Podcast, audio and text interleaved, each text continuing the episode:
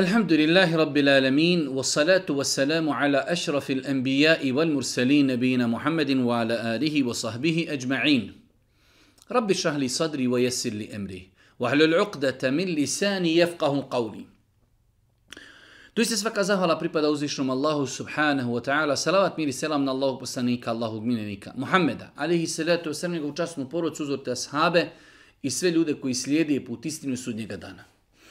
Uvažena braću i poštovani sestre, uvaženi gledatelji, evo nas u još jednu emisiju u se družimo sa vašim pitanjima i vašim dilemama.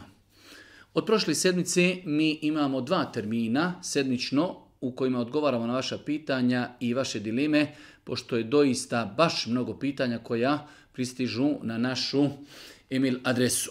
Ovo je naša 67. emisija u kojoj evo više od godinu dana odgovaramo na vaša pitanja. Prvo pitanje večeras je pitanje, zanima me da li ispravno učenje Kur'ana na pamet sa transkripciji na bosanski jezik kako bi naučio što više sura, te onda usavršavanje izgovora putem eh, pravilnih harfova kroz sufaru i originalni Kur'an. Znači pitanje je, E, da li preporučujemo da se uči Kur'an kroz transkripciju, da čovjek hifsa, a nakon toga da popravlja eventualne greške. E, islamski učenjaci strogo su, strogo su zabranili pisanje Kur'ana na bilo koji jezik osim arapski jezik. Tako da pisanje Kur'ana na transkripciju. Transkripcija je da pišemo arapske riječi bosanskim slovima latincom. Znači to je zabranjeno E, čak neki navode i konsenzus islamskih učenjaka u pogledu toga. E samim tim, e, to je e, učimo sa nečega što je neispravno, učimo na neispravan način, jer je nemoguće sa transkripcije ispravno naučiti.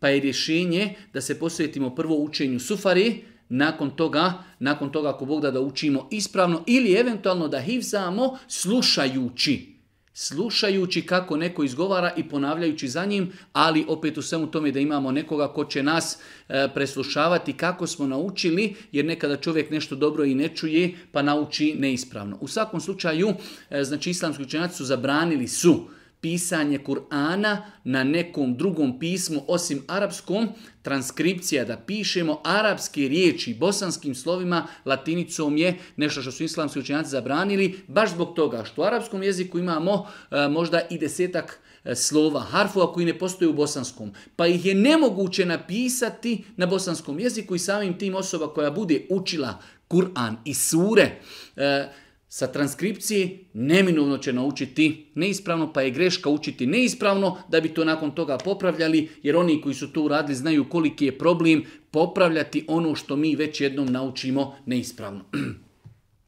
Drugo pitanje, da li je dozvoljeno nositi sahat na lijevoj ruci? E, nošenje sahata, da li na desnu ili na lijevu ruku? E, svakako svi mi znamo da za vrijeme Božih poslanika ali se to selam nije bilo satova, ručnih satova, tako da e, i to pitanje nije e, znači jasno definisao Božji poslanik, već islamski učenjaci pokušavaju na osnovu određenih drugih indirektnih dokaza da daju odgovor šta je bolje, a šta je manje vrijedno. U svakom slučaju, islamski učenjaci su pokušali da analogno nošenju prstena, Pošto Allah poslanik nosio prsten i na lijevo i na desnoj ruci, kazali su islamski učenjaci da se sat može nositi i na lijevo i na desnoj ruci. Ja lično sam stava da je bolje nositi na desnoj. Nakon što smo konstatirali da sahat možemo nositi i na desnoj i na lijevoj ruci, e pitanje gdje je bolje, mislim da je bolje nositi sat na desnoj ruci iz dva ili tri razloga. Prva stvar, sahat je korisna stvar, jer nam koristi da znamo koliko je sati. Allah poslanik ali se letu sram u tim nekim lijepim postupcima uvijek je davao prednost desnoj strani. Prilikom češljanja, prilikom odjevanja, obuvanja i tako dalje. E, sama e, činca jedemo desnom rukom, e, pijemo desnom rukom i tako dalje. Znači lijepi postupci u islamu uvijek se daje prednost desnoj strani, tako da u tom kontekstu, pošto je sahat i ukras, pošto je sahat i e, korisna stvar, mislim da je bolje da se nosi na desnoj strani. E, Šeha Albani, rahmetullahi alihi, iznosi jednu lijepu činjenicu, a to je on spominje, poznato je da je on u struci bio na kraju krajeva i Sahadžija, on spominje da ljudi koji su izmislili satove, nemuslimani, oni su, oni su napravili bonton da se sahat nosi na lijevoj ruci. Pa on kaže, shodno hadisu Božih poslanika, haliful mušrikine, e, postupajte i ponašajte se suprotno onome što rade mušrici i nevjernici, kaže onda nama muslimanima je bolje da nosimo sahat na desnoj ruci. U svakom slučaju, rezime odgovora je da je dozvoljno sahat nositi i na desnoj i na lijevoj ruci ne postoje jasni argumenti e, koji ukazuju ćemo nositi sat na desnoj i na lijevoj ruci, ali iz općih argumenata koji ukazuju da se lijepim stvarima i ukrasima daje prednost desna strana i s druge strane zbog hadisa da je Allah poslanik rekao e, činite suprotno od onoga što radi e, nevjernici mušici, ljepši je da se sat nosi na desnoj ruci. Jedno malo teško pitanje u smislu čudno pitanje Kaže jedna naša sestra, imam djevojčicu koja ima izuzetno malo godina. Neću da pročitam broj, e, znači baš znači e, ispod sedam godina. U zadnji mjesec dana je počela se krije u sobi i da masturbira. E, ne znam šta to znači. Da li je to normalno kod male djeci, jer to nisam do sada vidjela nigdje i tako dalje. Kako se ponaša u takvoj situaciji? Pazite, znači djeca koja su ispod sedam godina, praktikuju masturbiranje i nije ovo prvi put. I ne samo, znači, pazite, ženska djeca. Mi znamo da je masturbiranje generalno gledajući više zastupljeno kod muškaraca nego kod žena. I pogledajte dokle smo došli, ovo je žena koja kaže vjernica, praktikuje vjeru, živi islam, da imamo dječicu koja su prije sedme godine počinju e, da, da masturbiraju, što je e, pravo alarmantna situacija E, svakako e, moramo kazati kad su u pitanju muškarci i žene da su islamski učenjaci kazali da je masturbiranje zabranjeno. Masturbiranje je zabranjeno. E sada, e, šta čovjek može da uradi u takvoj situaciji? Prva stvar po meni najbitnije da vidimo gdje je to dijete naučilo, od koga je to čulo, da mu spriječimo dotok neispravnih informacija Ko je njega tome podučio? Gdje je to čulo? Da li je to možda u školi, u vrtiću, putem youtube putem e, interneta, društvenih mreža i tako dalje? Pa je znači veoma bitno da svoje dijete sačuvamo od e, izvora loših informacija. Nakon toga, nakon toga e, imamo razgovor sa djetetom da mu kažemo da to što radi nije dobro, e, zdravstveno nije dobro, šerijetski nije dobro. Kao što nije dobro psovati, krasti i tako dalje. Isto tako djetetu treba kazati, ako je već to i radilo jednom, dva put, tri put, pet puta, da mu se kaže nije to dobro, neispravno je, nemoj i tako dalje. A ja lično bi ovdje i preporučio konsultovanje sa ljudima iz struke, prvenstveno mislim na e, psihologe da se čak iz psihološke stane pristupi e, otkud je dijete u tim nekim godinama, kažemo četvrta, peta, šesta godina, e, znači nema seksualne nagone. Hajde možemo pod nami zacima razumjeti u mladinca od 18-20 godina masturbira zato što ima te seksualne nagone, nije oženjen, pa eto, e, u tom kontekstu razumijemo, a neispravno je. Ali dijete od 4, 5, 6, 7 godina da masturbira, to je znači e, sigurno e, alarmantna situacija koju bi trebalo e, znači rješavati i kod doktora, znači kod struke psihologa da se porazgovara sa psihologom zašto dijete to radi, da li oponaša nekoga, da li je neki poremećaj hormona i tako dalje. U svakom slučaju, znači rekli smo, treba pokušati vidjeti gdje je to dijete naučilo, jer je to malehno dijete, dijete u tim godinama nema seksualne prohtjeve, e, isto tako e, razgovarati s djetetom, ukazati mu, pokušati, kao što djeci kažemo, ne velja si ne psovati, ne velja krasti, ne velja ovo, ne velja ovo, treba djeci kazati da je masturbiranje zabranjeno i da je štetno, ali isto tako uključiti i struku, prvenstveno mislim na psihologe.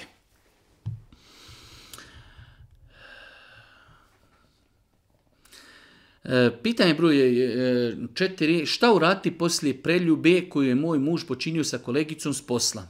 11 godina smo bili u braku i tako dalje i tako dalje. U svakom slučaju, e, žena čiji muž uradi preljubu, e, sad ne govorimo o načinu dokazivanja, jer smo više puta govorili u islamu da bi rekli da je neko učinio blud ili on treba da to prizna ili da su ga četiri osobe vidjele kako čini taj e, nemoralni čin ili kad je u pitanju žena da je žena zatrudnila. Ali vjerovatno ovdje žena znači da li je muž priznao ili u svakom slučaju ako se zna potvrđeno da je čovjek činio blud, a on je oženjen, e, šta u takvoj situaciji radi? U takvoj situaciji e, ne ostaje nam ništa drugo osim dijalog i razgovor.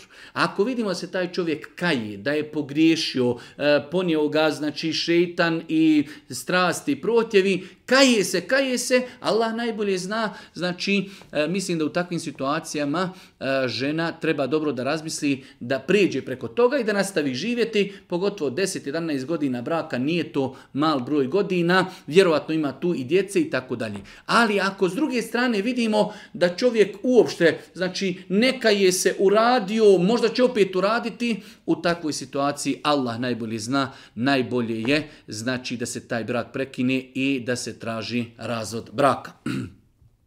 Pito pitanje, Možete li mi reći da li se pod pojem učenja Kur'ana u toku dana podrazumijeva da se mora učiti iz mushafa ili se pod tim misli i na učenje onoga što znamo na pamet?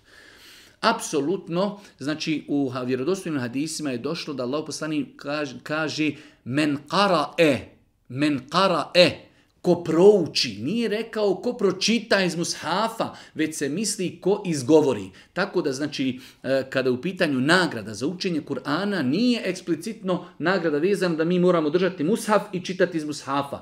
I kada učimo, sjedimo u kući i učimo kul huvallahu ahad, Allahu samed, lem jelid, volem juled, volem je kullahu kufuan ahad, mi za svaki proučeni harfi imamo sevap, a svako dobro djelo se desetorostruko nagrađuje. Tako da, Zapamtimo veliko pravilo, nagrada učenja Kur'ana nije eksplicitno vezana za čitanje iz mushafa.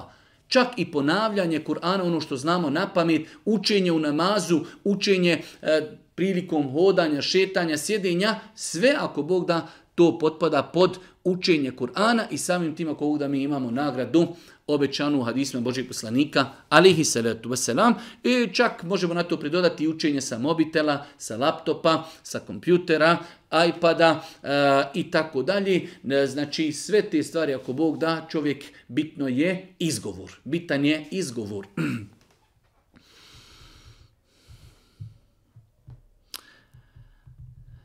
Kaže jedna naša sestra, nisam pokrivena živim u jednoj manjoj sredini u Srbiji,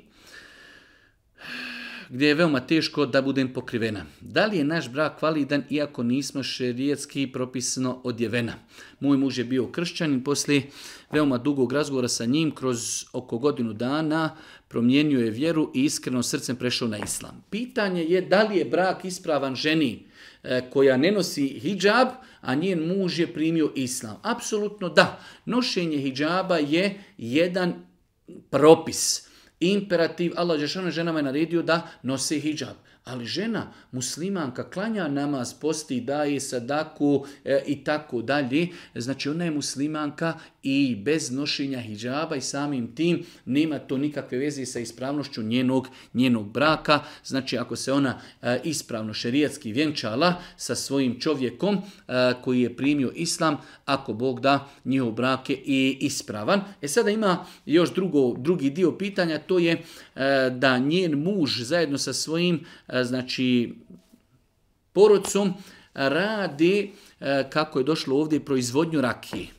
E sada, u svemu tome oni znaju propis da je to zabranjeno, ali nekada u budućnosti imaju plan da to, ako Bog da, promijenu e, u proizvodnju e, džemova, mermelade i nečega slično tome. Šta u svemu tome mi možemo reći? Možemo reći da je bitno da ljudi znaju propis i da pokušaju što prije da e, prekvalifikaciju napravi iz proizvodnje onoga što je haram u proizvodnju onoga što je, što je dozvoljeno. Propis je jasan, e kako će se to implementirati, kada će se to implementirati, mi ne znamo i vjerovatno to i nije lako u takvim sredinama, ali ono što mi znamo jeste da je bilo kakav e, vid pomaganja proizvodnje alkohola zabranjen i da je pohvalno, čak što više znači ne pohvalno, naređen što prije da čovjek izađe iz takvog procesa, ako može tu proizvodnju promijeniti i e, da je prebaci predefiniše da postane nešto halal, svakako da je e, potrebno i pohvalno. Jedno škakljivo, interesantno pitanje. Da li je dozvoljeno muškarcu da radi kao taksista? Jer će u sklopu tog posla biti primoran voziti žene. Pitanje je da li je dozvoljeno biti taksista. Generalno gledajući, da čovjek ima auto i da on renta svoje auto sa vozačem ljudima u njihovim potrebama je halal posao. Znači mi imamo auto i taksiramo. To je generalno gledajući u islamu halal posao da mi imamo auto i ljudima obezbjeđujemo prijevoz od tačke A do tačke B. To je halal posao. E sada, stvarnost je da ljudi prilikom taksiranja imaju neke izazove koji se moraju paziti. Ti izazovi mogu učiniti njihov posao ili pokuđenim ili haramom. Pa primjera radi, imamo spornih momenta, čovjek vozi u autu jednu ženu, sa njom se osamio. To je jedna stvar. E, znači, jer znamo da je u islamu zabranjeno osamljivanje muškaraca i žena. Imamo drugu stvar, a to je da ljudi traži od nas da ih odvučemo do mjesta za koje mi znamo da je haram. Čovjek kaže, vozi me do diskoteke u tom i tom gradu vozi me do diskoteki ili vozi me, vidimo da čovjek u pijanom stanju, vozi me do te i te eh, kladionice, vozi me do tog i tog eh, znači, mjesta gdje se pije alkohol i tako dalje. Tako da imamo znači sporan moment osamljivanja sa Ako bi čovjek eh, vozio dvije žene, dvije žene, nije se sa njima osamio, one sjedi nazad, to islamu nije sporno. Znači da čovjek, taksista, sa njim da sjednu dvije žene, nije došlo do same. Te žene moraju biti e, njemu ni rodice, ni to njima mora biti mahrem. Bitno je da nema osamljivanja i tu to islamu ispravno. Ali je problem ako je jedna žena, problem je ako ljudi traže da ih vozimo u pravcu za kojeg mi znamo da je nešto neispravno i zabranjeno. E, kao što je, znači, e, vozime u diskoteku, vozime u kladionicu i tako dalje. Isto tako, veoma lako se može desiti e, da u auto sjednu osobe koji su u alkoholiziranom stanju, da osobe u autu počnu činiti grijehe e, od psovanja, od možda se međusobno čovjek i žena koji sjedi alkoholizirani psuju, možda počnu da ljube se, ne znam, nija svašta nešto da radi. E, sve su to neke stvari na koje treba da pazi osoba koja radi takav posao. Znači generalno taksiranje generalno je ispravan posao generalno, ali ima određenih stvari koje e, su sporne i treba vozač taksista da pazi da ih maksimalno izbjegava. Kako će to uraditi? Ne znam ali ono što je prema islamu, znači definisano da je čovjeku zabranjeno da se osamljuje sa ženom, makar to bilo u autu i zabranjeno da čovjek potpomaži se, e, da nekoga potpomaži e, u haramu tako što će ga odvući na neko mjesto, makar on platio uredno, ali ako mi znamo da on ide na mjesto koje se islamom zabranjeno, E, ne smijemo ga potpomagati u tome. E, u svemu tome može doći i situacija da čovjek kada je sam e, sa ženom u autu, može se desiti žena jednostavno da pozove čovjeka na nemoral. Možda će jednom odbiti dva put, tri put, ali možda će i prihvatiti. Sve su to neke, neke stvari o kojima čovjek koji se bavi takvim poslom treba da razmišlja.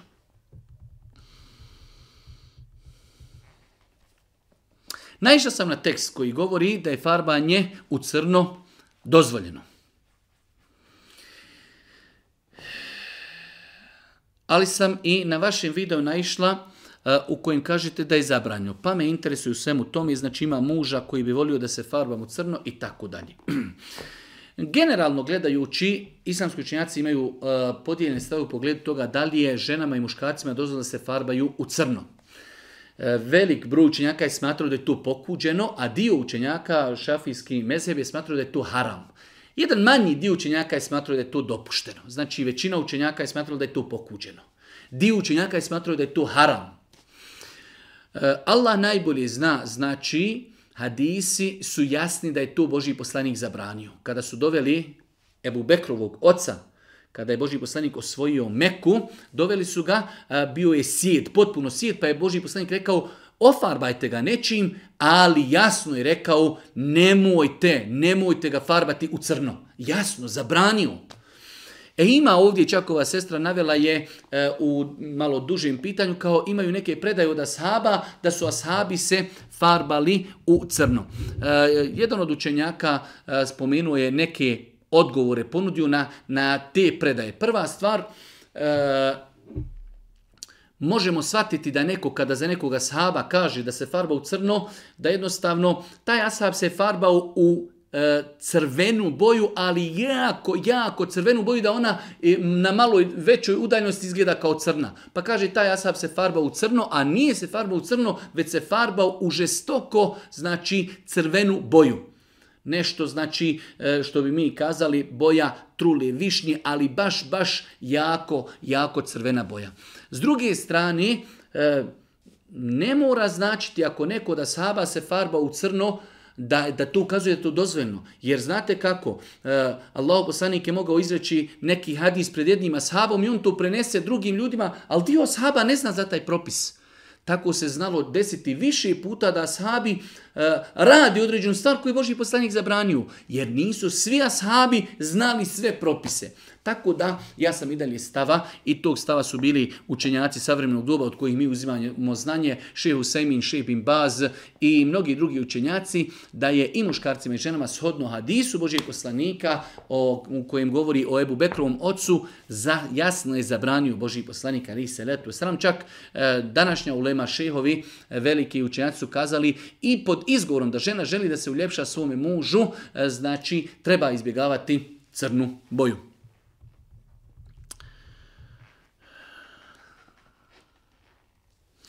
Pitanje, malo duže pitanje, e, znači radi se o tome da je žena imala sedam poroda, i da je omršala 30 kila, pa kaže da li je dozvoljeno, znači na stomaku joj se pojavio višak kože sala, e, da to bukvalno tako piše, kaže...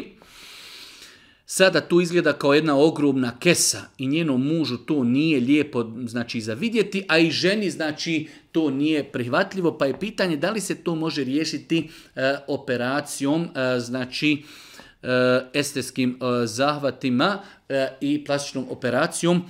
Allah najbolje zna, islamski učenjaci su kazali ako se doista radi o situaciji gdje to prelazi u poteškoću, prelazi da se čovjeku doista, možemo ovako kazati malo težim terminima, da jednostavno gadi mu se na takvu pojavu i to može biti razlogom, razlogom možda i pucanja, braka i tako dalje, kazali su islamski učenjaci, ako je to došlo do te stepenice i do tog levela, da ako Bog da nema smetnji u takvim situacijama, čitao sam više fetava samrevinu učenjaka gdje ljudi postavi slična pitanja, gdje žene nakon više poroda, nakon, e, nakon što su bile e, izrasto debele, pa omršaju jednostavno, pojavi se višak te kože koje je, znači ono je najbolje ako se to može vratiti na prirodan način, vježbama i tako dalje. Ali ako ne može, ako bi se to riješilo, inša Allah, sa hiruškim zahvatima i ako u tome nema štete.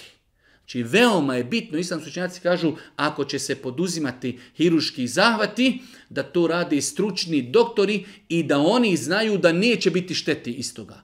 Ako se može to obaviti i da neće biti štetno po e, ljudski organizam, ljudsko tijelo, onda u ovakvim i sličnim situacijama kada nije u pitanju e, dodatno uljepšavanje tijela, već je u pitanju uklanjanje nepravilnosti. Jer kada insan na sebi ima e, velike, da kažemo, kese, Jednostavno, da koža toliko visi, doista je to već jedan vid deformacije, e, može se to smatrati e, i nekom mahanom, može se smatrati e, nepravilnošću. U takvim situacijama nadamo se, inšala, da osoba ako bi uradila operaciju, da nije inšala griješna.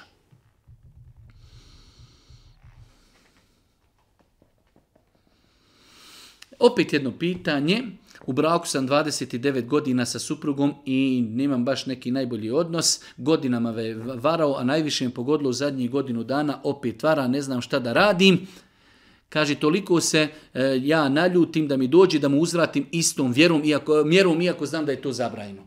E, neispravno je razmišljanje da žena koja zna, rekli smo, veoma je opasno da kažemo za nekoga da je počinio blud. Veoma je opasno islamu, znači čovjek da bi za nekog kazao da je počinio blud, ili osoba mora priznati ili mora imati četiri svjedoka, u protivnom može pasti u potvor. Ali, evo da privatimo činjenicu da osoba e, ima e, dokaze da je neko počinio blud, 29 godina braka nije malo, e, ali ovdje kaže dođe mi da mu uzratim istom mjerom da i ona učini, ne mora što je neispravno. Znači, počiniti, uzvratiti nemoralom je grijeh na grijeh. Ako on čini grijeh, mi treba sa njim da razgovaramo. Ako možemo, trpimo, trpimo. Ako ne možemo, tražimo razvod braka. To je ispravan slijed e, postupaka. Ali uzvratiti njemu haramom, nikako. Znači, žena koja to ne može trpjeti, savjetovala, kritikovala, bez obzira što je 29 godina braka, ako može, znači, e, savjet, kritika da uradi plodom, ako ne, ako on nastavlja i dalje to da radi, onda žena treba da se razvede od svoga muža, ali da mu uzvraća na haram način, nikako, ni podrazno. Ubrzo se trebam poroditi i čitala sam da je poželjno novorođenčetu odmah po rođenju proučiti ezan. Kao što sigurno znate, uslovi u državnim bolnicama su takvi da je otcu zabrano pristupati porodu i tako dalje. Da li žena može proučiti svome djetetu ezan, pošto nije u mogućnosti da otac tog djeteta uđe u bolnicu? Islamski učenjaci su kazali da nema smetnje da nema smetnje da majka prouči svome djetetu ezan na desno uho, ako znači nema oca ili ako nema neko muško da prouči ezan, čak i majka da prouči ezan, inša na taj način je ispunila sunet Božih poslanika, iako mi smo više puta govorili o tome, znači islamski učenjaci imaju podijeljena mišljenja u pogledu učenja ezana i kameta, kada u pitanju učenja i kameta na lijevo uho, eh, argumenti o tom pitanju su doista, doista baš slabi, a u pogledu učenja ezana na desno uho postoji jako razilaženje. Velik broj je smatrao da je to sunet i lijepo. Tako da osoba koja prouči ezan, nadajući se da je to sunet, mi se duboko nadamo da će imati zbog toga nagradu. Ako ima otac ili neki drugi muškarac za prouči jezan na desno uho, dobro jest da prve riječi koje dijete čuju budu riječi tauhida, monoteizma, la ilaha illallah, Allahu ekber i tako dalje. Ako nema niko, nema smetje da i majka kad joj donesu dijete, znači e, prvi put ili odma nakon poroda, da uzme dijete i da mu, znači ne mora to biti neko glasno učenje zana, na uho lijepo da mu prouči jezan, nema nikakve, ako Bog da smetnji, više, znači islamskoj učenjaka e, je govorilo o tom pitanju i potvrdilo taj stav da žena, majka djeteta može svome djetetu proučiti eza na desno uho.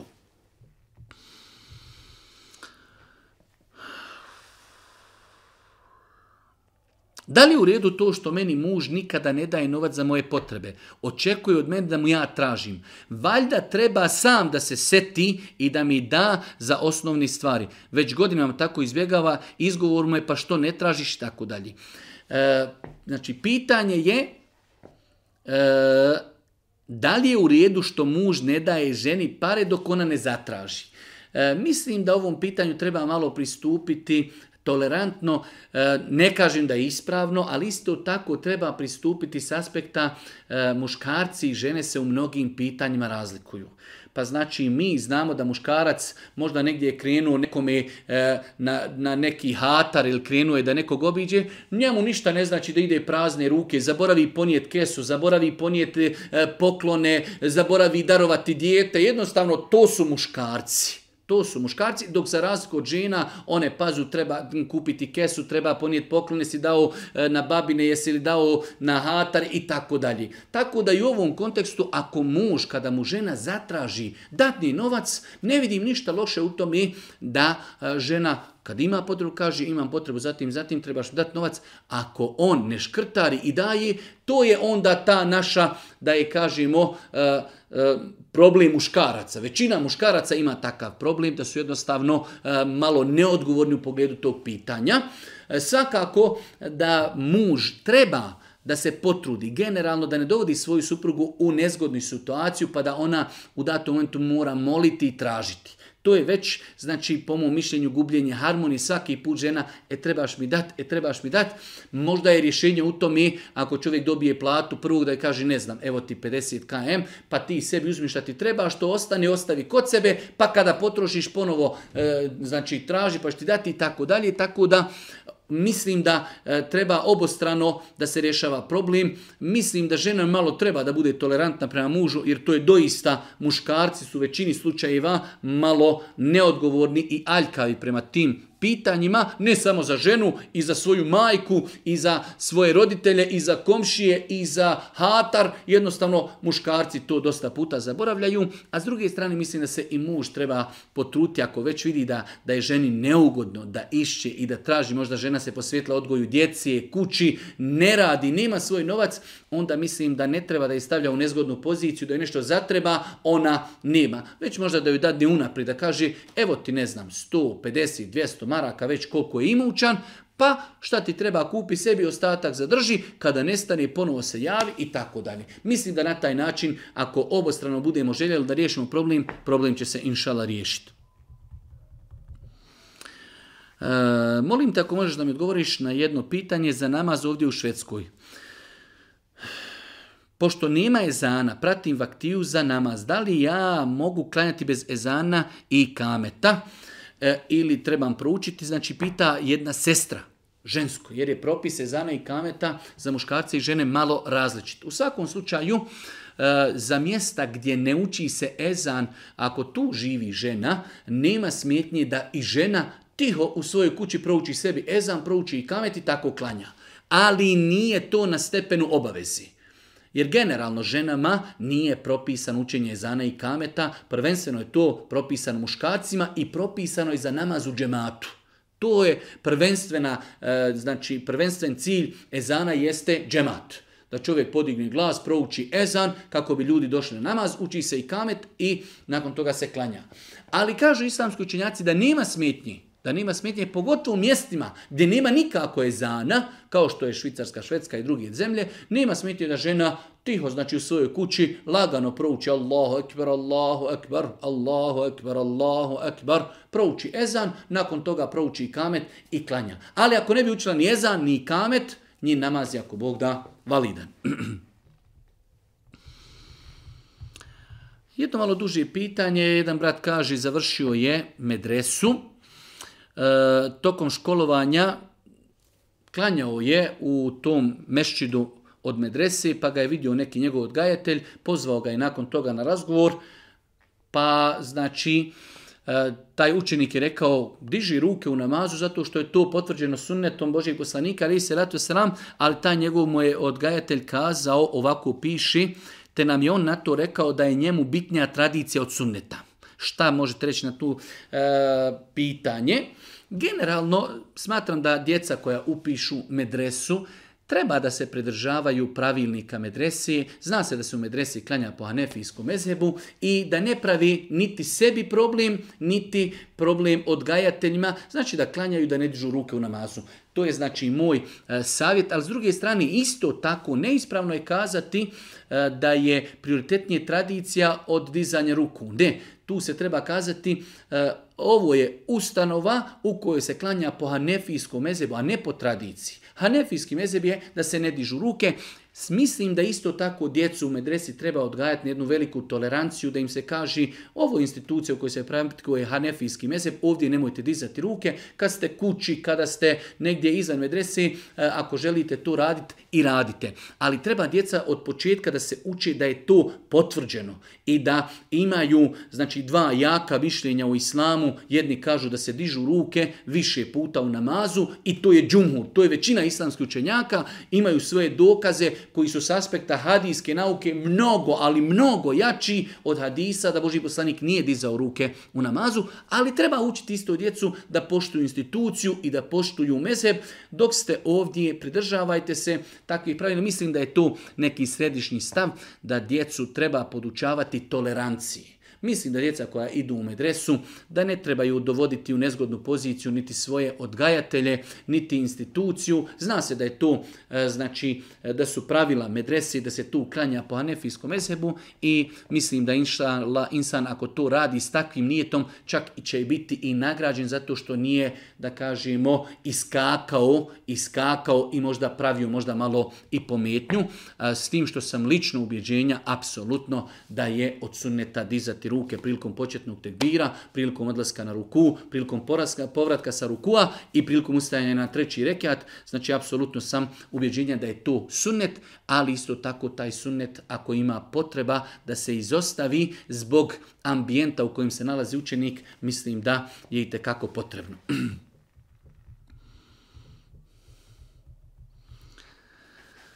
Jedno Pitanje na koje neću odgovoriti, ali interesantno pitanje, da li je haram postavljati spomin obilježa nekoj osobi na mjestu nesreće gdje je ta osoba tragično izgubila život?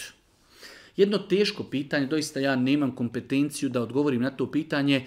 Trudio sam, tražio sam e, nešto u govoru islamskog učenjaka, nisam mogao naći, bar ja nisam mogao naći odgovor na ovo pitanje. E, tako da ne mogu odgovoriti, ali interesantno pitanje, nekada je e, pod danim znacima interesantno i može biti korisno da mjestu gdje je neko poginuo, ako je možda čovjek brzo vozio pa poginuo, da se kaže ovdje je poginuo čovjek u saobraćajnoj nesreći, pa neko ko naiđe kaže aha, ovo mene posjeća da ja trebam ovdje lagano voziti, vidi neko je poginuo, ako ne pazim kako vozim, možda mogu i ja, ne daj Bože, nastradati.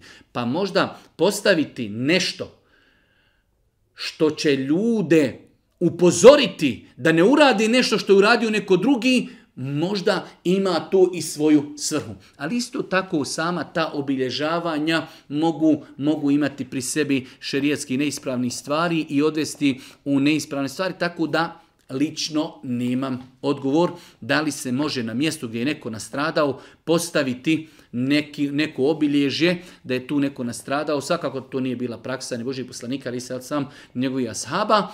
A, da li je to ispravno ili ne, ne znam. Sedamnaesto pitanje, možete li mi objasniti po pitanju konzumiranja alkohola? Danas slušam predavanje jednog predavača e, kojeg pratim gdje kaže da se smije u organizam unijeti količina od koje se čovjek ne može napiti 0,1, 0,2 i tako dalje. E, pitanje alkohola treba ispravno razumjeti. Muslimanima je alkohol zabranjen. Muslimanima je alkohol zabranjen i jedna kapljica ako se alkohol sam konzumira. Znači čovjek kada bi uzeo samo kapljicu alkohola čisto i popio, počinio je haram.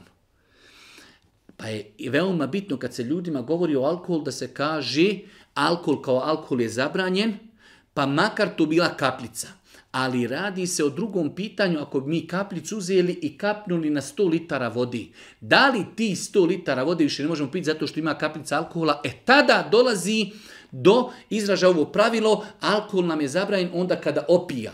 Tako da ako se u neki slatkiš, u neku hranu ili neku tečnost, neko drugi, ne mi muslimani, jer nama muslimanima alkohol zabranjen i mi ga ne možemo stavljati ni u šta. Ali ako je to neko drugi uradio, onda ostajemo na pravilu opojnosti. Ako ta voda ne opija, nije zabrajna. Ako taj keks ili neki slatkiš ili neko piće ne opija, a u sebi ima mali procenat alkohola, da li je to 0,1, 0,2 od 100, onda inšala takva tečnost i takav proizvod je dozvoljen jer se izgubilo svojstvo opojnosti, a alkohol sam kao alkohol kaplica je haram. Kaplica sama je haram, nama muslimanima je haram stavljati alkohol u proizvode, ali ako neko drugi to stavi, onda gledamo granicu opojnosti. Nadam se inšalo da je ovo pitanje sada jasno. isto pitanje, da li je istina da je Mohamed umru jer je bio otrovan od strane židovki? Da li ima hadis ili neko predaje o smrti poslanika i ako ima šta kažu te predaje? Upravo, e ovo je sad problem, upravo sam odgledala video koji govori o Muhammedovoj smrti, gdje čovjek govori kako je on bio lažni prorok jer nije znao da jede otrovano meso. Ne zna više šta da mislim. Aha, gledamo mi šta nemuslimani i oni koji mrze islam govore o Mohamedu. i onda nam polupaju lončiće. Osnova je, vjernik ne treba da prati takve programe. Prva stvar, Slušaš predavanja Safeta Kuduzovića, slušaš predavanja Enesa Jularđija, Hajrudina Ahmetovića, slušaš predavanja e, provjerenih ljudi koji ne unose otrov u vjeru. E, mi dođemo, slušamo e, čovjeka koji s aspekta šizma iznosi, iznosi kao neke nejasnoće na Buhariju i na i onda ti zablokiraš. Nemoj ga gledati u osnovi, jer njemu je cilj da ti pomuti pamet. To je prva stvar čovjek musliman treba da prati i čita ono što mu je provjereno. To je za nas običnu masu. Za stručnjake, veliku lemu, oni to analiziraju i daju odgovore. To je prva stvar. Druga stvar, jasno stoji da je Boži poslanik kada je oslobađao Hajber, da mu je donesena ovca. Donesena mu je ovca, E, znalo se da Boži poslanik najviše voli plečku, pa je jedna židovkinja dačno, apsolutno tačna predaja stavila, znala da on uzima plečku, u plečku stavila najviše otrova. Pa je Boži poslanik uzeo tu plečku i htjeo da pojedi, pa kaže Boži poslanik, pa mi je plečka rekla da je otrovana. Pa je Boži poslanik ispljunuo meso, a drugi ljudi su nastavili jesti, pa su neki od tih ljudi umrli od toga. Pa je netačno da Boži poslanik nije znao. Jeste znao. Boži poslanik jeste znao, ali je kazao u smrtnim mukama osjetim tragove otrova. Ali je znao Boži poslanik, zato i kada su doveli te židove, pa ih pitali što se tu radili, kaže mi smo to postavili, ako budeš poslanik Allah će ti eh, to kazat, ako ne budeš da te se riješimo. Pa je Boži poslanik obaviješten, plečka mu rekla, plečka progovorila i rekla mu da je zatrovan. Tako da, znači to su vjerodostojne potvrde, e, vjerodostojne predaje koje ukazuju da je Boži poslanik Ali se Veselam samo zagrizao. Ali i toliko je bila e, zatrovana ta plečka da znači Boži poslanik ipak je osjetio trag tog otrova, a ashab koji se zvao Bišr ibn El je umro od te ovci. Pa je Boži poslanik naredio da se kazni ta žena ne zbog njega, već zbog ubijstva drugih ljudi. Pa je Božijem poslaniku došla objava, znači kazano mu je da je ta plečka zatrovan, tako da nevezano za to onaj ko ima problema, sumnja u poslanstvo Božijeg poslanika ali se letu veselam, a musliman je treba da počne od najnižih levela izučavanja islama, znači nema nula, nula, nula, nula, jedan posto sumnje da je Muhammed ali se letu veselam Allahov miljenik, posljednji poslanik, bilo to nekom je drago, ne bilo, njegova poslanica je derogirala prijedhodne poslanice, Muhammed alihi salatu wasalam, svi ljudi na planeti koji ne povjeruju u Muhammed alihi salatu a čuli su za njega, oni su nevjernici i bit će vječno u vatri. To je po konsenzusu islamskih učenjaka. 19. pitanje. Imam pitanje da li moram biti zamotana pred muževim očuhom? i tako dalje. Znači ona navodi ovdje e, njegovu životnu priču svoga čovjeka i tako dalje. Žena da bude, da li će biti pokrivena ili otkrivena pred od svog čovjeka očuh. Znači imamo čovjeka, ima majku. ima svog oca. Otac umri ili se razvede i njegova se majka uda za drugog čovjeka. To je očuh u islamu, to je očuh znači u terminologiji. E sad taj sin od te žene ima ženu. Šta ona ima sa tim očuhom? Nema ništa. On nema ništa sa tim očuhom, osim, znači, e, u ovom kontekstu njegova žena nema nikakve veze sa tim očuhom, tako da, znači, obaveza je ženi da bude pokrivena pred očuhom svoga muža. Znači, ako muž ima očuha, njegova žena pokrivena, pazi na hijđa, pazi na propise islama, ona ne može biti otkrivena otkrivena pred njegovim očuvom.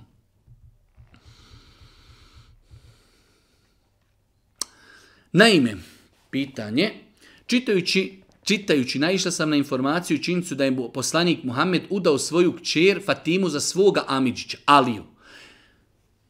Žena kaže, čitala je na internetu informaciju da je Muhammed Veselam udao Fatimu, svoju miljenicu, najmlađu kćerku, za svoga Amidžića Aliju.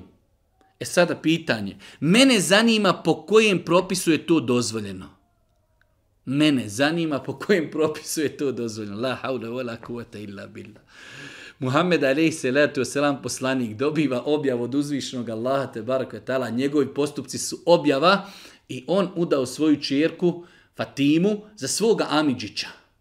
Za svoga Amidžića. Alija radijallahu ta'ala, četvrti halifa, Alija ibn Ebi Talib, eh, njegov otac Ebu Talib i poslanikov otac Abdullah su bili braća, njih dvojica su bili Amidžići. Poslanik i Algija su Amidžići. Poslanik ima čirku, udao je za svoga Amidžića, znači to je po islamu, po konsenzusu učenjaka dozvoljeno. Ali ovdje pogledajte način, kaže, Mene zanima po kojim propisima je to dozvoljeno. Dozvoljeno je zato što je to radio Boži poslanik. Allah Žešanu Kur'anu je spomenuo žene koji su zabranjene za brak mimo toga dozvoljeno. E sad mi imamo problem na našem podneblju da to mi e, lakše bi prihvatili blud, lakše bi prihvatili e, nemora, lakše bi prihvatili nego da ljudi e, oženi se i ludaju se znači za tu neku daljnu rodbinu. Kod nas ako se zna da je 160. koljeno nema ženbe. Čak ljudi kad prigovaraju Turcima i Arapima kaže ma oni kaže se žene, ženi i svoje rodice. Znači, Islam je definisao jasno šta je zabrajno, mimo toga je dozvoljno. E sad, ko hoće, ko neće, mi ne, ne kažemo to se mora, ali je, znači, dozvoljno tako da... E, malo je pregrubo pitanje po kojim propisu je to dozvoljno. Dozvoljno zato što je to Muhammed alihi salatu wasalam Boži poslanik. Zato što on Boži poslanik alihi salatu wasalam. Zamolila bih vas da mi objasnite kakav stav treba da imaju djeca prema majici koja čini bludni radnje. Otac je preselio kada su djeca bila mala, sada su djeca odrasla, imaju svoju djecu. U svakom slučaju, teška situacija, ali ne preostaje ništa osim savjet. Znači, djeca, opet govorimo, mnogo puta ponavljamo, veoma je opasno tvrti za nekoga čini blud. Činiti blud, znači rekli smo u islamu se dokazuje na tri načina, ili da čovjek ili žena kaže jesam, počinio sam blud, ili da su četiri svjedoka vidjela blud, ili ako je pitanje žena, da žena zatrudi. Ali ako je to potvrđeno, ako je to potvrđeno, djeci ne prostaje ništa drugo osim savjet. Ima nešto u islamu što se zove heđer, bojkot. Ako bi djeca znala da će ta njihova majka da će na nju ostaviti traga ako je bojkotuju. Kažu mi te bojkotujemo, zna se da radi što i to i ona kaže e neću više zato što me vi bojkotujete, onda može i to biti propisano. Ali u većini slučajeva ljudi koji su griješnici, u većini slučajeva njima bojkot ne znači ništa, čak što više jednu ruka, elhamdulillah. Bojkotuju me, ne dosađuju mi, ne govore mi, ne savjetuju me i možda će čak biti prije, eto, to su moja djeca, ja za njih čitav život živim, oni me sad bojkotuju. Tako da, Allah najbolje zna, ostaje savjet. Ostaje razgovor, ostaje dijalog, znači u granicama, u granicama čovjekovi mogućnosti, znači da se razgovara, da se savjetuje, da se poziva na Boga, da se poziva na dokaze, da se poziva na vjerovanje u sudnji dan, da se poziva na kaznu, e, insan koji čini takve grijehe bit će kažnjen ako se ne pokaje i tako dalje. To je ono što insan može uraditi. Ništa više.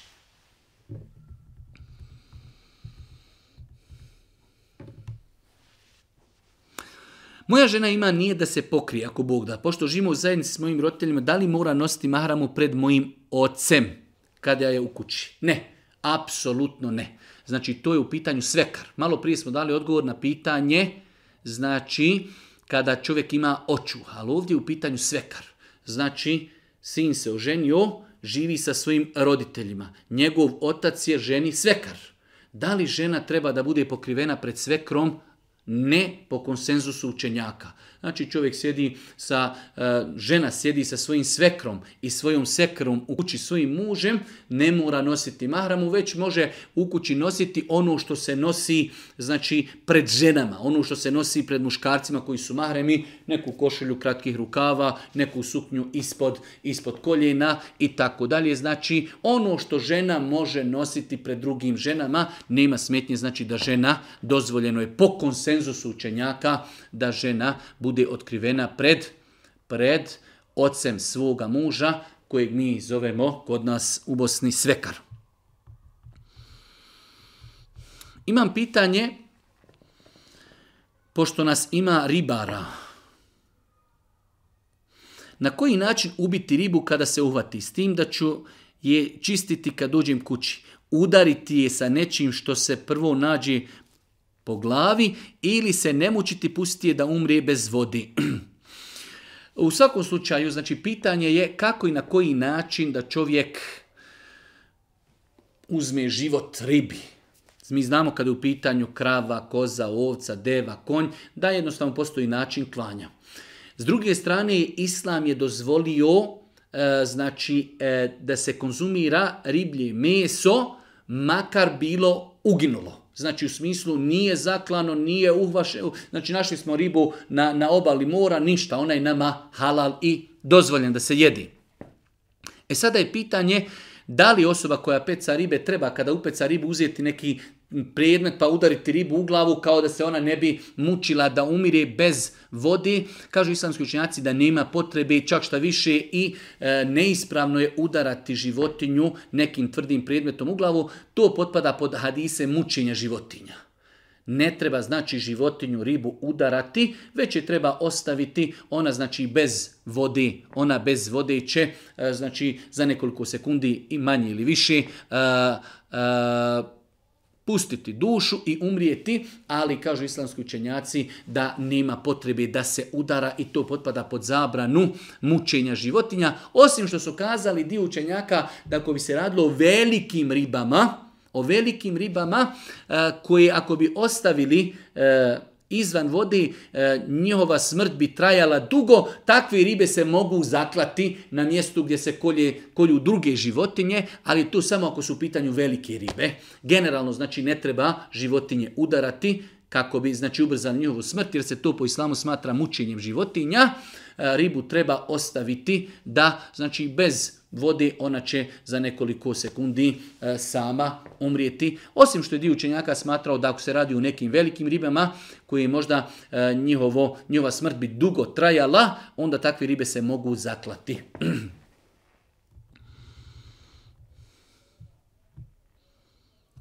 Pitanje, ako predvodim namaz, predvodim namaz, a uzeo sam Abdes dva ili jednom pranje ruku, ispiranje usta i tako dalje, da li je to pokuđeno. Da li je pokuđeno predvoditi ljude u namazu ako smo mi prilikom abdesta svaki dio tijela oprali samo po jednom? Apsolutno ne. Apsolutno ne. Mi smo kazali da postoje četiri validna načina uzimanja abdesta. Da svaki dio sigurno operimo jednom.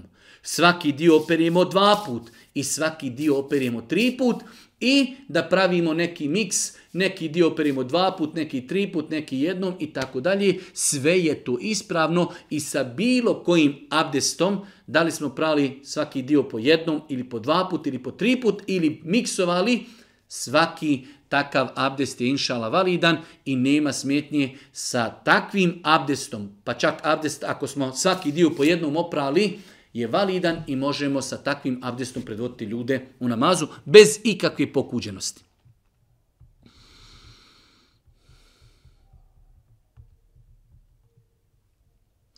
Jedna e, žena je napisala duži e-mail, kaže upravo sam se vratila u očevu kuću nakon što je moj suprug izrazio želju za razvodom jer me kako on kaže više ne voli kao prije i tako dalje. U svakom slučaju jedno dugo pitanje, pitanje je e, da tim ženama koje su razvedene, koje i dalje se vezuju za svoje ljude, ali jednostavno iz određenih razloga došlo je do razvoda braka, šta savjetovati? E, čovjek treba da uvijek ima na umu e, riječi uzvišnog Allah te ta'ala asan takra ušem hajru lekum. E, možda nešto mrzite, u tom je dobro za vas. Generalno, svakako, i muž i žena u osnovi treba da se maksimalno potrudi da ostanu u braku i da ta njova bračna lađa plovi u pravom pravcu. Ali može se jednostavno desiti da jednostavno nekada čovjek e, izgubi ljubav prema ženi iz određenih ili neodređenih razloga i tako dalje. Može se desiti i da žena ne voli muža. U svakom slučaju, ako je već došlo do razvoda, e, Jednostavno, insan treba da to prihvati kao kader, kao sudbinu. Ako postoji mogućnost putem roditelja, putem prijatelja, poznanika, da se pod znacima izvrši neko e, zauzimanje, posredovanje, da se pokuša vratiti brak. To treba uraditi. Ali ako čovjek je ne želim, neću, šta mi treba? Nasilu da živimo s nekim? Ne. sam takra u lekum. Možda da bi čovjek ostao sa takvom osobom, možda bi se sikirao, možda bi ne daj Bože popustio u vjeri, možda bi taj insan sutra radio određene grijehe pa bi insan zbog toga obolio, možda, možda, možda, stotinu možda negativnih možda. Tako da insan treba da prihvati kader, da, svakom je teško, 5, 7, 10 godina smo živjeli u braku, sad treba početi sve s nuli, ali to treba prihvati kao dio sudbine, kao dio kadera, osloniti se na uzvišnog Allaha te i nastaviti svoj život, Manje ili više, svi ćemo mi otići sa Dunjalka i udat i neudat i oženj i neoženj, svi ćemo otići. Čovjek treba prvenstveno da traga za zadovoljstvom svoga gospodara, da ni za koga se toliko vezuje da ne može bez njega. U redu, čovjek voli ženu, žena voli čovjeka, ali u granicama. Ako čovjek ne želi da živi sa mnom, šta ću? Ne daj Bože da uradim sebi nešto loše kao da bi on vidio moju ljubav prema njemu. Ne, Pokušat ćemo razgovorom, dijalogom poslati neke posrednike. Čovjek ne želi. Asan takra ušen u ovom hajru lekum. Možda nešto mrzite, a u tome je dobro za vas. Možda Allah insana tim razvodom čuva tu ženu od nečega što je možda mnogo, mnogo, mnogo teže u budućnosti za nju. Tako da prihvatiti samo kader dova Allahu te barka oslonce na uzvišnog Allahu subhanahu i nastaviti živjeti normalnim životom. Ako bude prilike i e, ponude da čovjek e, žena da se ponovo uda, udaće se, ako ne bude, nastavit će živjeti svojim životom.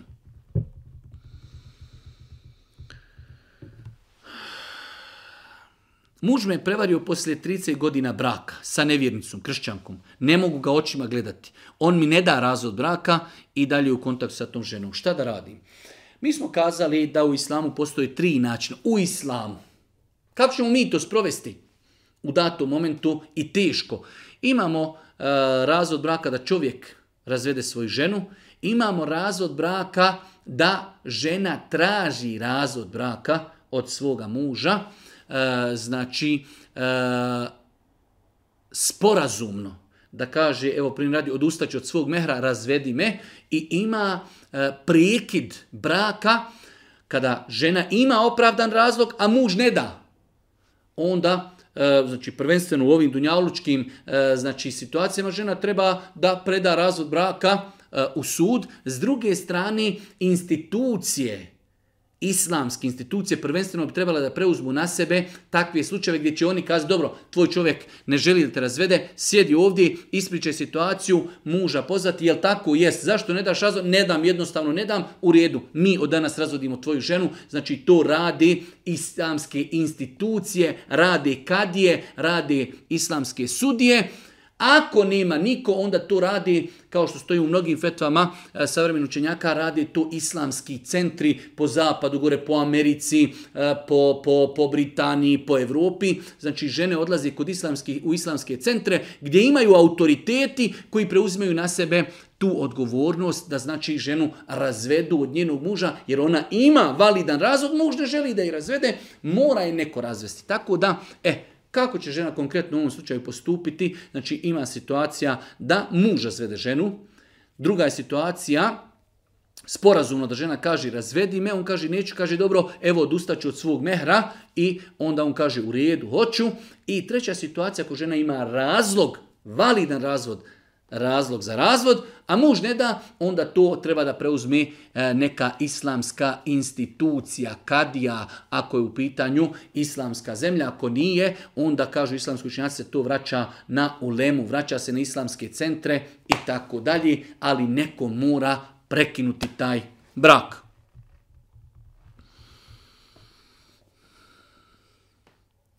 Jedno malo duže pitanje, čovjek pita e, generalno da li je dozvoljeno da prisustvuje e, znači sprovodu mrtvog svoga komšije, prijatelja, poznanika, nemuslimana. E, ono što treba znati u ovakvim pitanjima jeste da islamski su zabranili da se klanja dženaza nemuslimanu, čovjeku koji se deklarisu do zadnjeg sekundi svoga života kao nemusliman, bilo koji da je religije, zabranjeno klanjati dženazu i zabranjeno doviti za njega nakon smrti.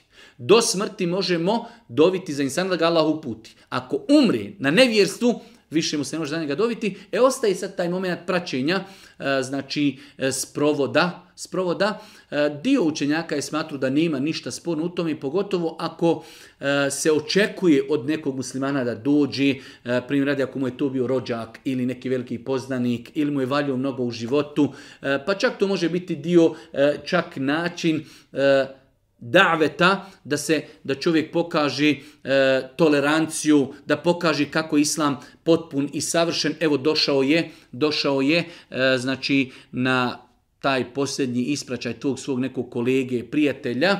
E, znači svakako s jedne strane čovjek će opet musliman uzijeti u svemu tome i pouku i poruku zahvaliti Allahu ja rab, hvala tebi, pa si me počastio islamom, ljudi odlaze sa Dunjaluka, umiru kao nemuslimani i tako dalje. Tako da, ako postoji potreba, i ako prilikom, ovo je veoma bitno, ako postoji potreba, i ako prilikom tog sprovoda čovjek neće uraditi ništa što je zabranjeno islamom. Znači neće klanjati dženazu, neće dobiti i neće učestvovati ni u kakvoj ceremoniji vezanoj za ukop. Čovjek dođe i stoji, jednostavno pristoji tu i vrati se kući, da li će se možda s nekim pozdraviti ili nešto slično tome uraditi, ali znači ne učestvuje ni u kakvoj ceremoniji, ni u kakvom eh, tom njihovom procesu i badetu njihovom, E, niti će za njega doviti, niti će klanjati dženazu. Ako postoji potreba, e, dio učenjaka je to dozvolio.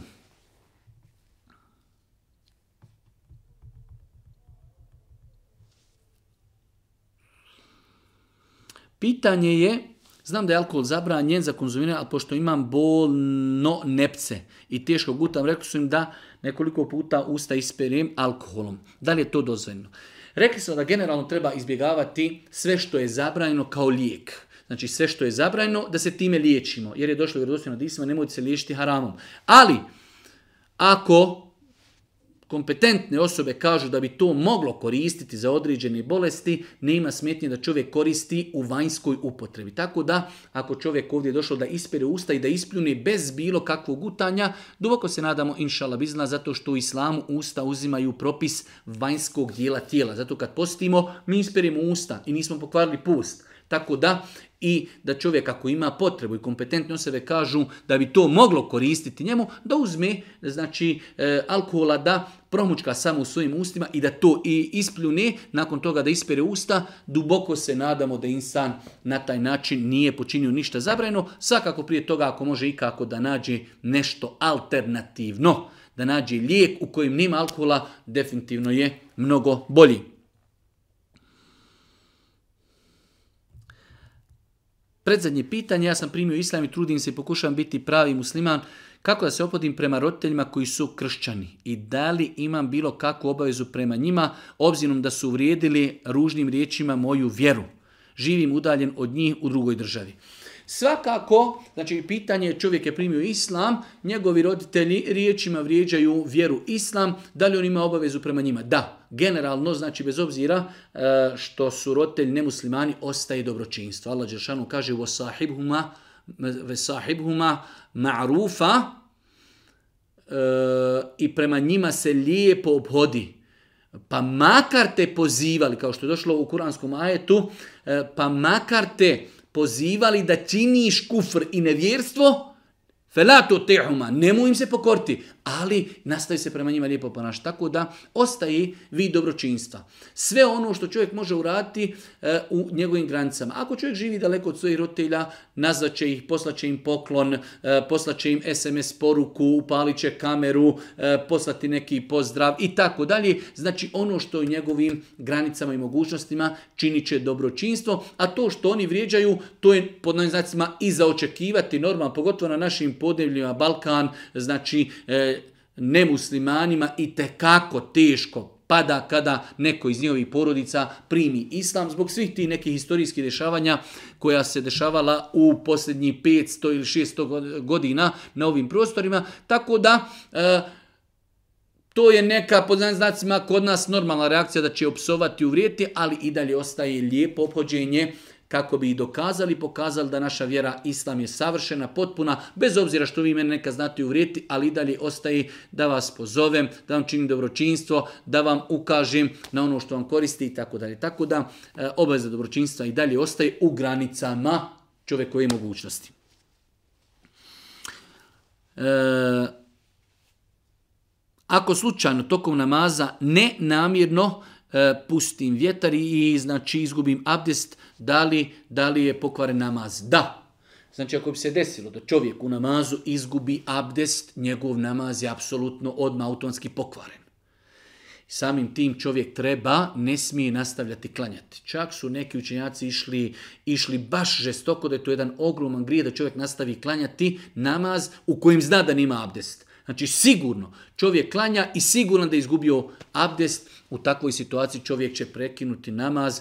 Ponekima, znači, e, uzeć, uhvatit će se za nos kao da mu je počela teći krv i proće kroz safove i otići obnoviti abdest. Ali, znači, čovjek ako e, u toku namaza, da li klanja u džematu ili sam, pusti vjetar, izgubi abdest, njegov namaz je neispravan, odmah treba prekinuti namaz, otići obnoviti abdest i iz početka početi klanjati namaz. Ako je u džematu, dok obnovi abdest, ako stigne šta u namazu, u džematu stigu jest, ako ne, klanja će sam. Ono što je odgovor na pitanje jeste da, ako se desi da čovjek u toku namaza izgubi abdest, mora prekinuti, abdest, od, mora prekinuti namaz odmah.